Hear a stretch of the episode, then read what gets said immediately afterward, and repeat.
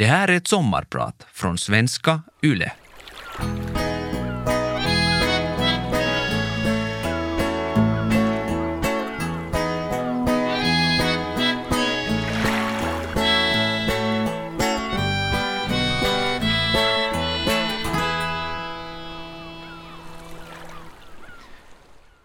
Jag kommer aldrig mer att återvända till Afrika.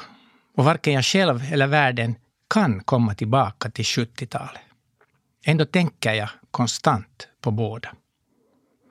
I slutet av 70-talet, när jag just höll på att bli vuxen, stod världen inför ett vägskäl. Idag är jag övertygad om att vi gick fel. Men det insåg jag först mycket senare.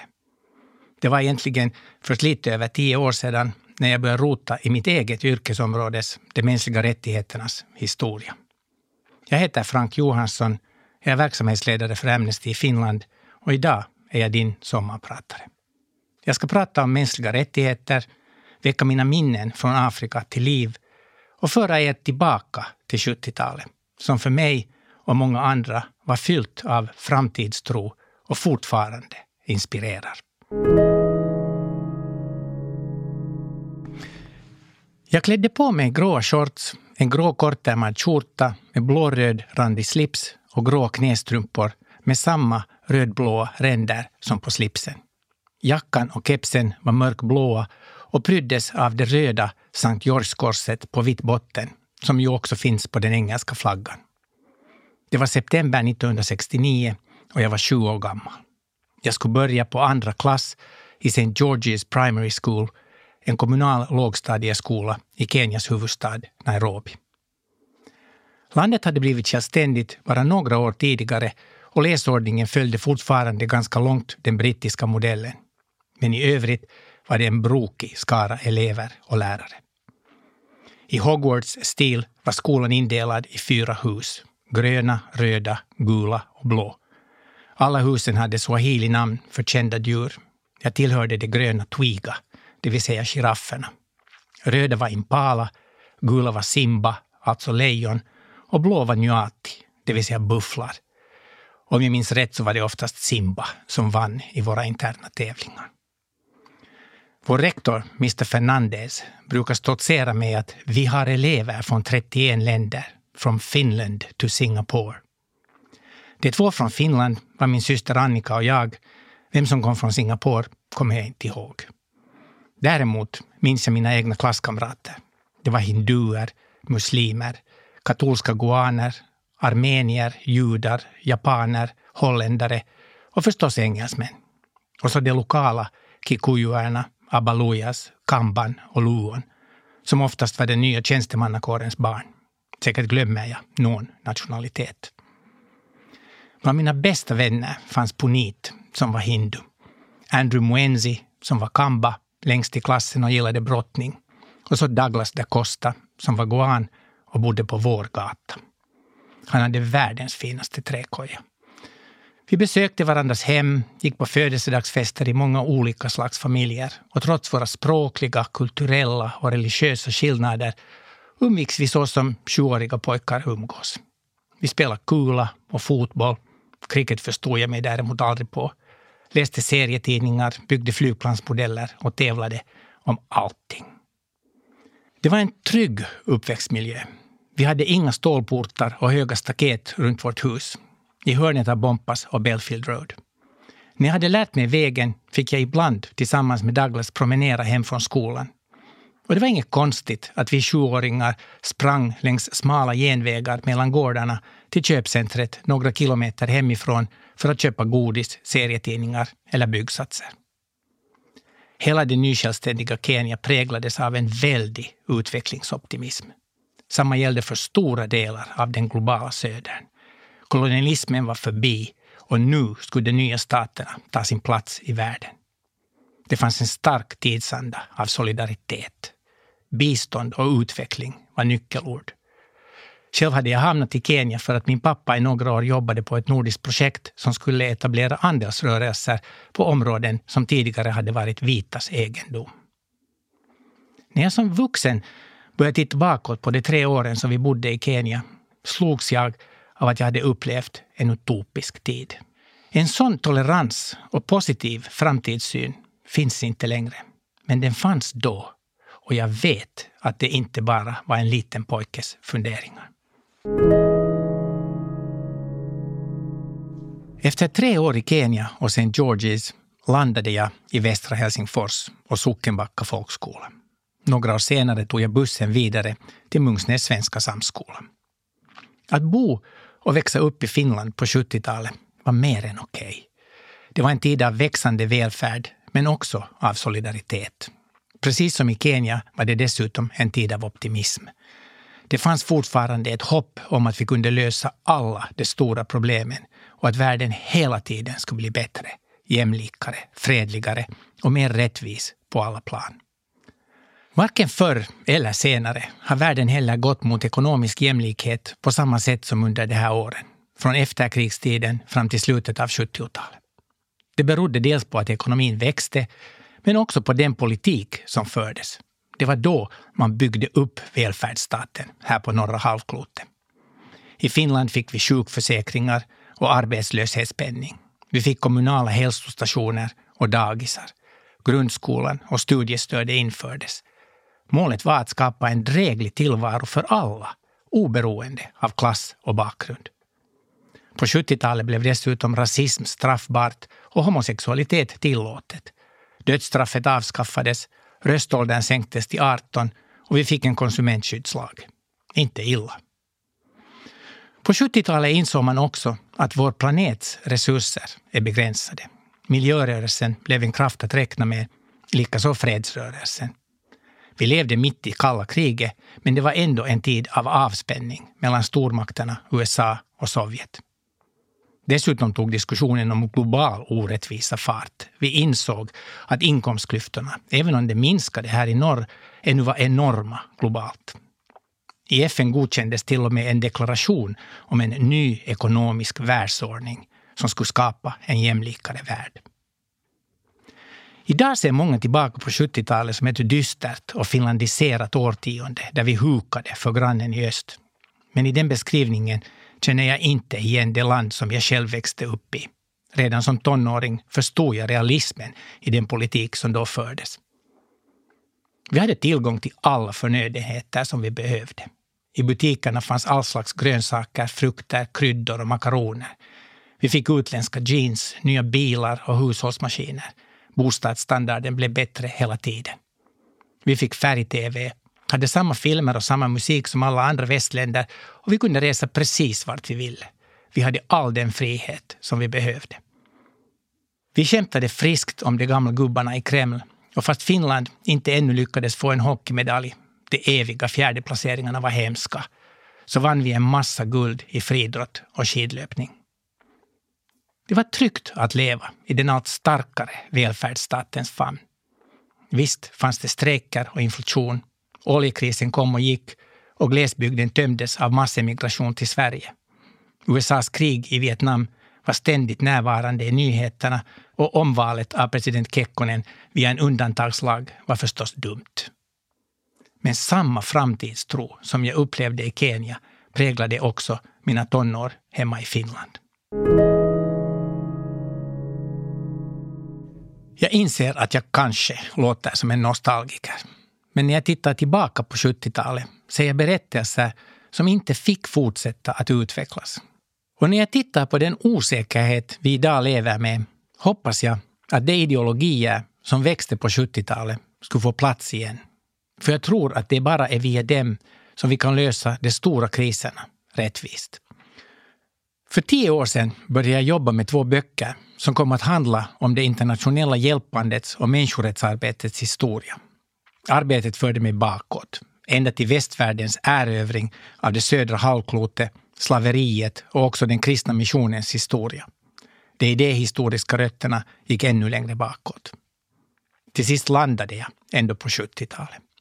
Det visade sig nämligen att det dels var kulmen för våra försök att skapa en bättre och rättvisare värld, men också en avgörande vändpunkt där vi till slut, enligt mig, gick fel. Det fick mig att fundera på hur jag själv upplevde 70-talet.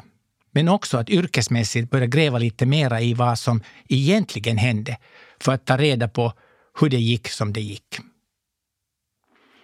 Enligt Yale-professorn Samuel Moyne är de mänskliga rättigheterna, så som vi idag uppfattar dem, en ganska ung uppfinning.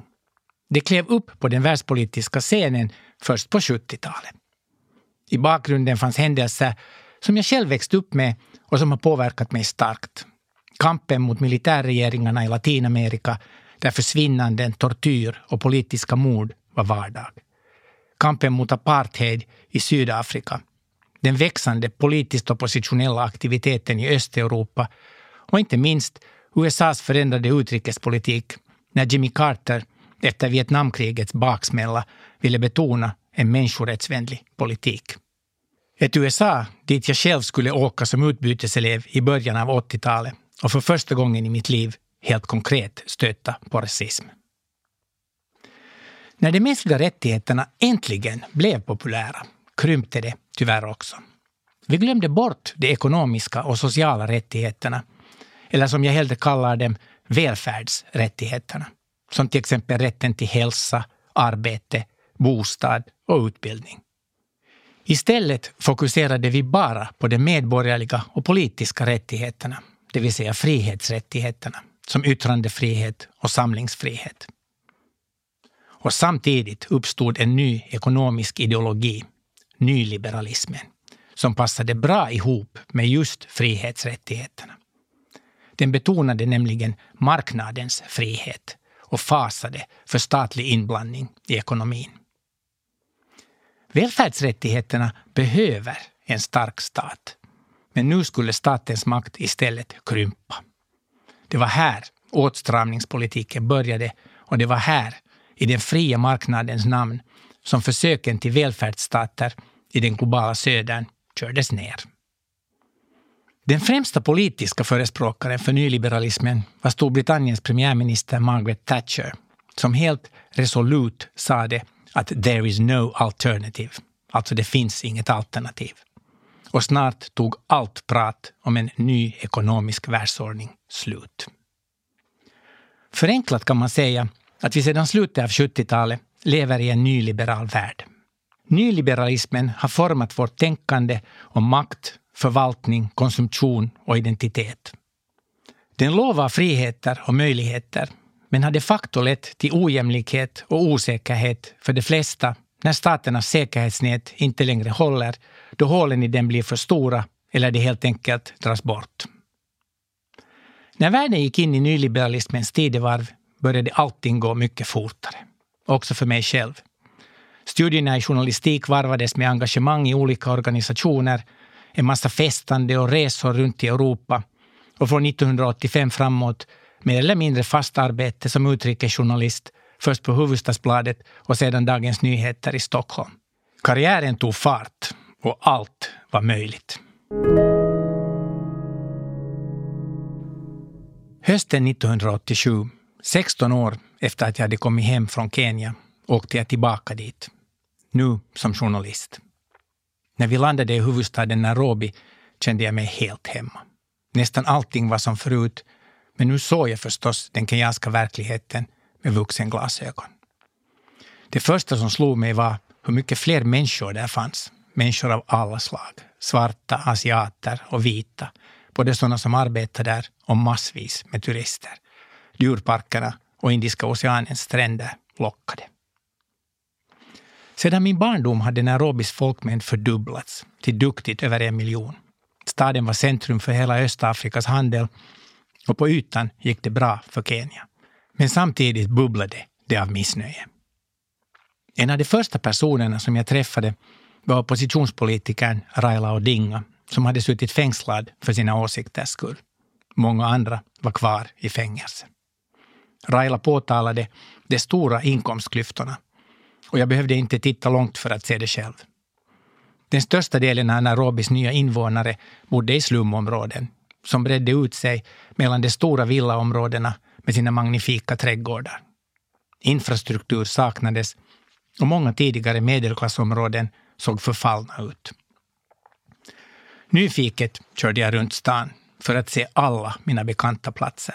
Först på listan var förstås min gamla skola, St. George's.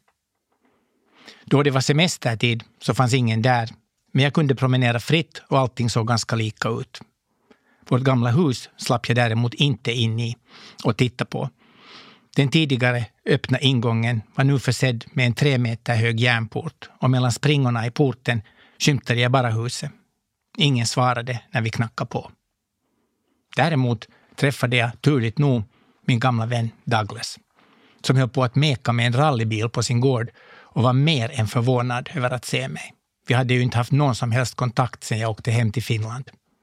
Hans träkoja fanns kvar och han mådde bra. Vi beslöt att vi skulle träffas igen, men så som det ofta blir så skedde det aldrig. Jag ringde honom ett par gånger på hans hemtelefon, men fick aldrig svar.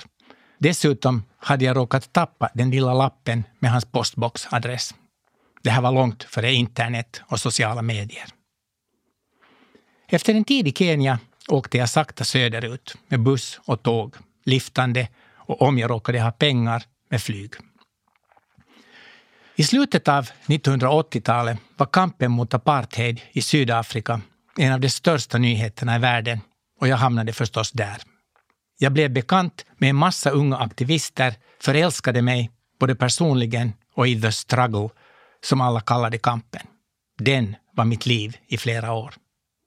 På somrarna redigerade jag utrikessidor i Helsingfors eller Stockholm, men när höstens färger började komma försvann jag med flyttfåglarna till Sydafrika, där den sydliga sommaren just skulle börja. Och där stannade jag tills våren var på intågande här hemma. Våren 1990 legaliserades den främsta befrielserörelsen i Sydafrika, Afrikanska nationalkongressen, ANC, och en vecka senare frigavs Nelson Mandela. Jag var där. Jag levde min dröm. Intervjuade och skrev texter dygnet runt. Då jag inte jobbade gick vi på klubbar eller samlades för långa grillfester tillsammans med alla mina vänner i Kapstaden och Johannesburg.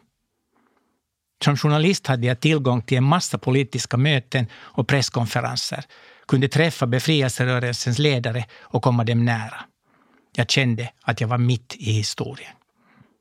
När någon frågar mig hur det kom sig att jag började jobba på Amnesty brukar jag svara att det är Nelson Mandelas fel, även om han inte vet om det.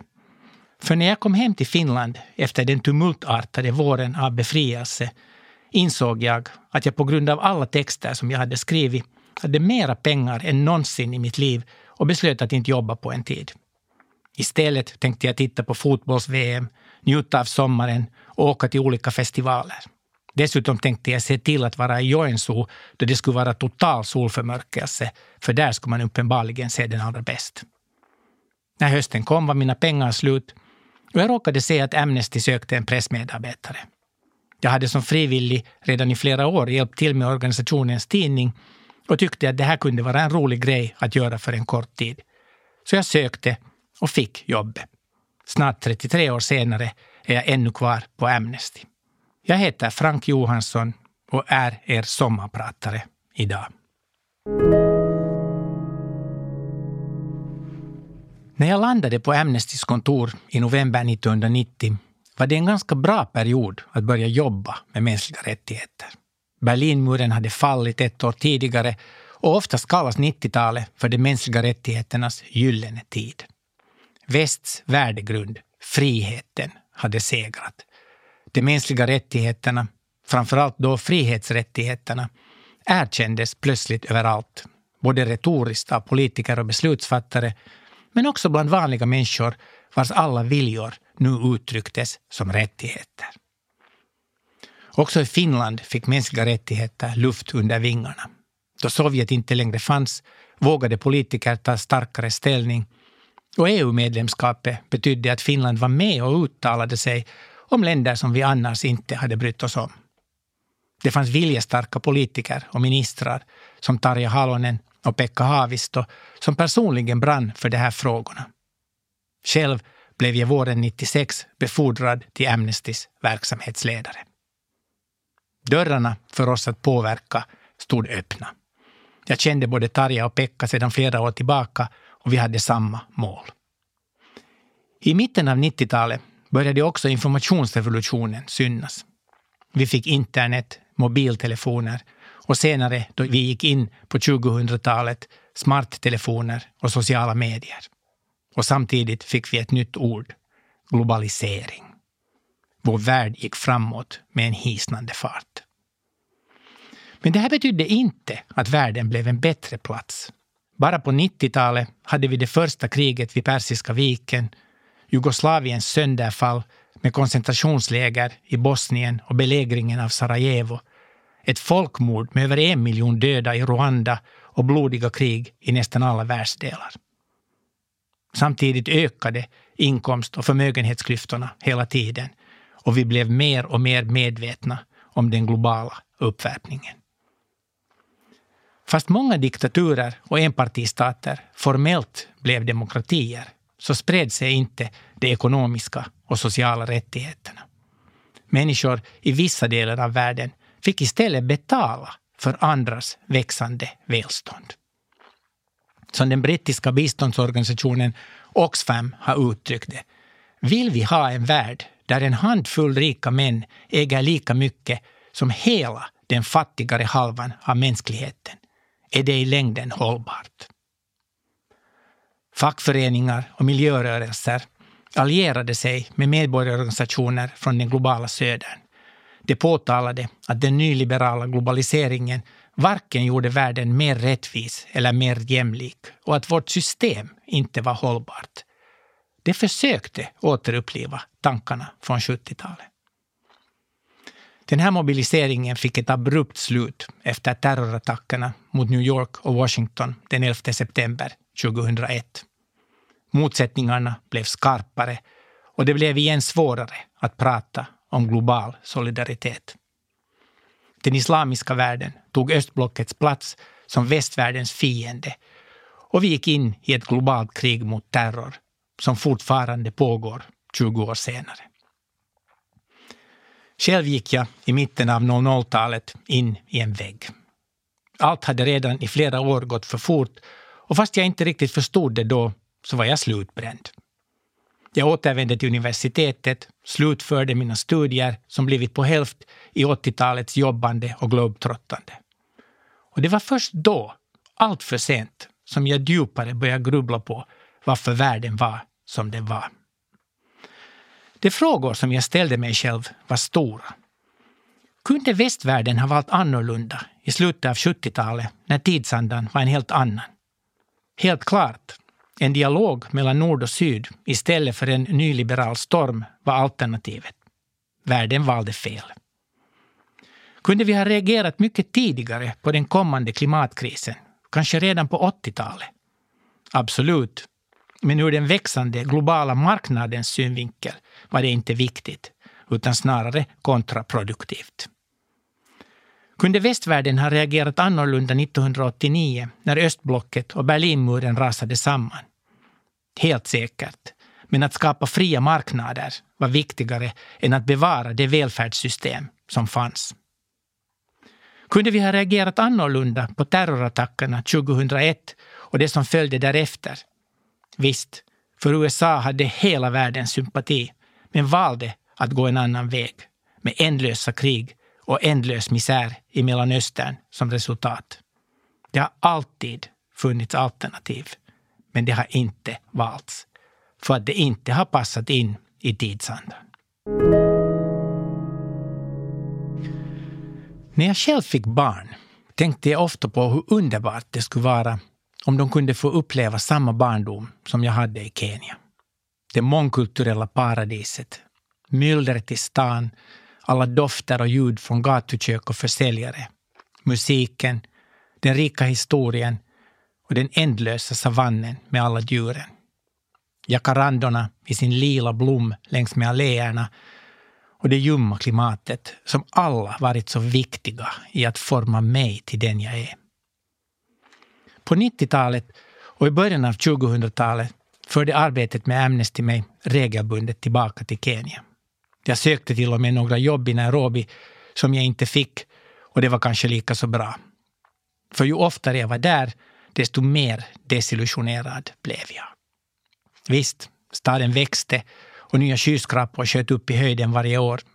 På tio år hade stadens befolkning återigen fördubblats till två miljoner. Idag är det redan kring tio miljoner. Landet präglades av både politiskt våld och kriminalitet, av extrem fattigdom och ojämlikhet och en infrastruktur som rämnade. Jag insåg snabbt att min tanke att barnen skulle växa upp i Kenya var en dröm. De skulle aldrig se och uppleva samma saker som jag. På grund av växande inkomstklyftor och våld skulle de bo bakom höga stängsel och murar med traggtråd. Det skulle aldrig gå i min gamla skola St. George's. Istället skulle det skjutsas från ett inhägnat område till ett annat. Gå i privata internationella skolor tillsammans med andra utlänningar och den lokala elitens barn och formas till kosmopoliter på fel sätt. Fast vi inte skulle leva något lyxliv skulle vi vara ofantligt rika jämfört med de flesta människor runt omkring oss. Den chans till en jämlik utveckling som fanns på 70-talet hade sumpats och nu hopades de olösliga problemen. St. George's finns ännu kvar, även om skolans emblem och färger har bytts ut. Byggnaden är detsamma, men den stora samlingssalen har blivit matsal och kök. Vår gamla sportplan är numera upplöjd till åker och längre bort vallar kossor.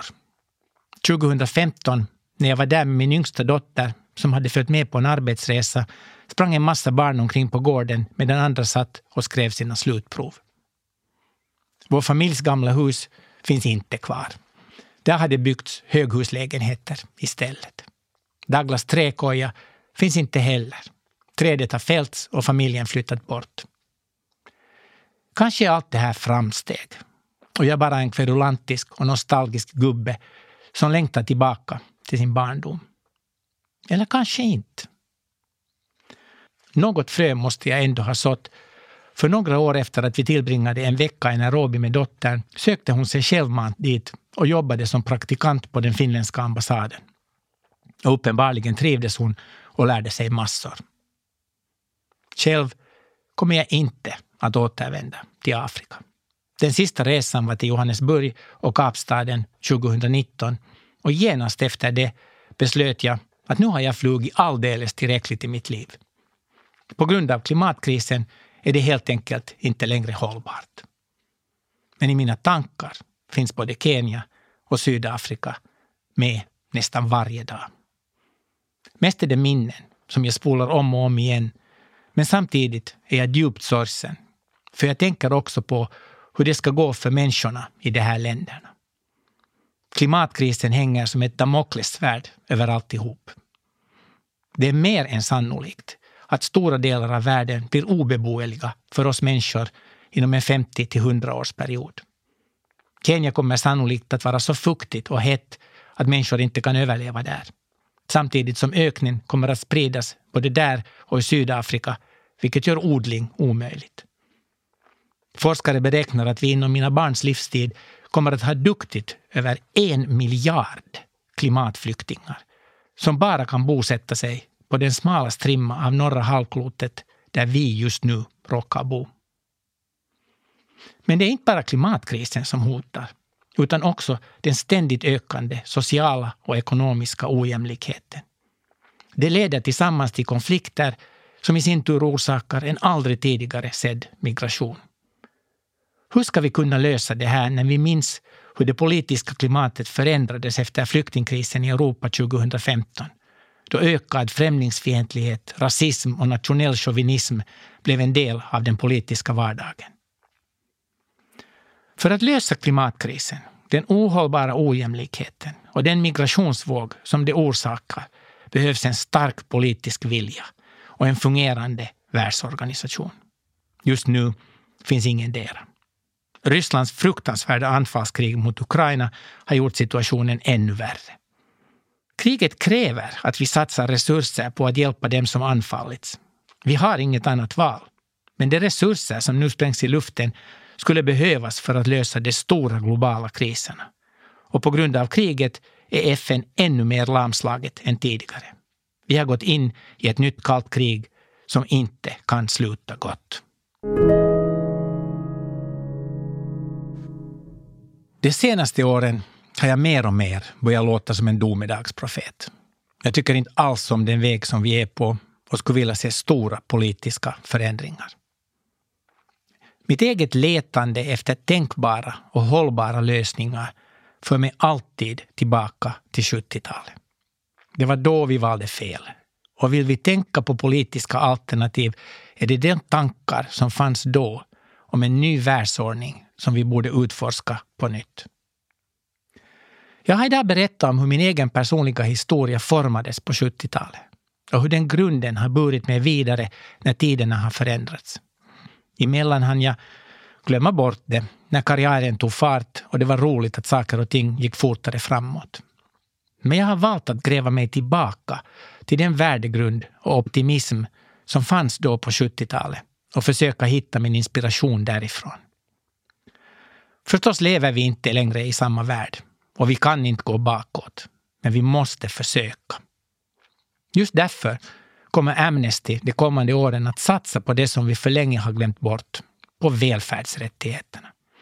Alla människors rätt till mat och rent vatten, rätt till arbete och bostad, rätt till utbildning och rätt till hälsa och till en hållbar miljö.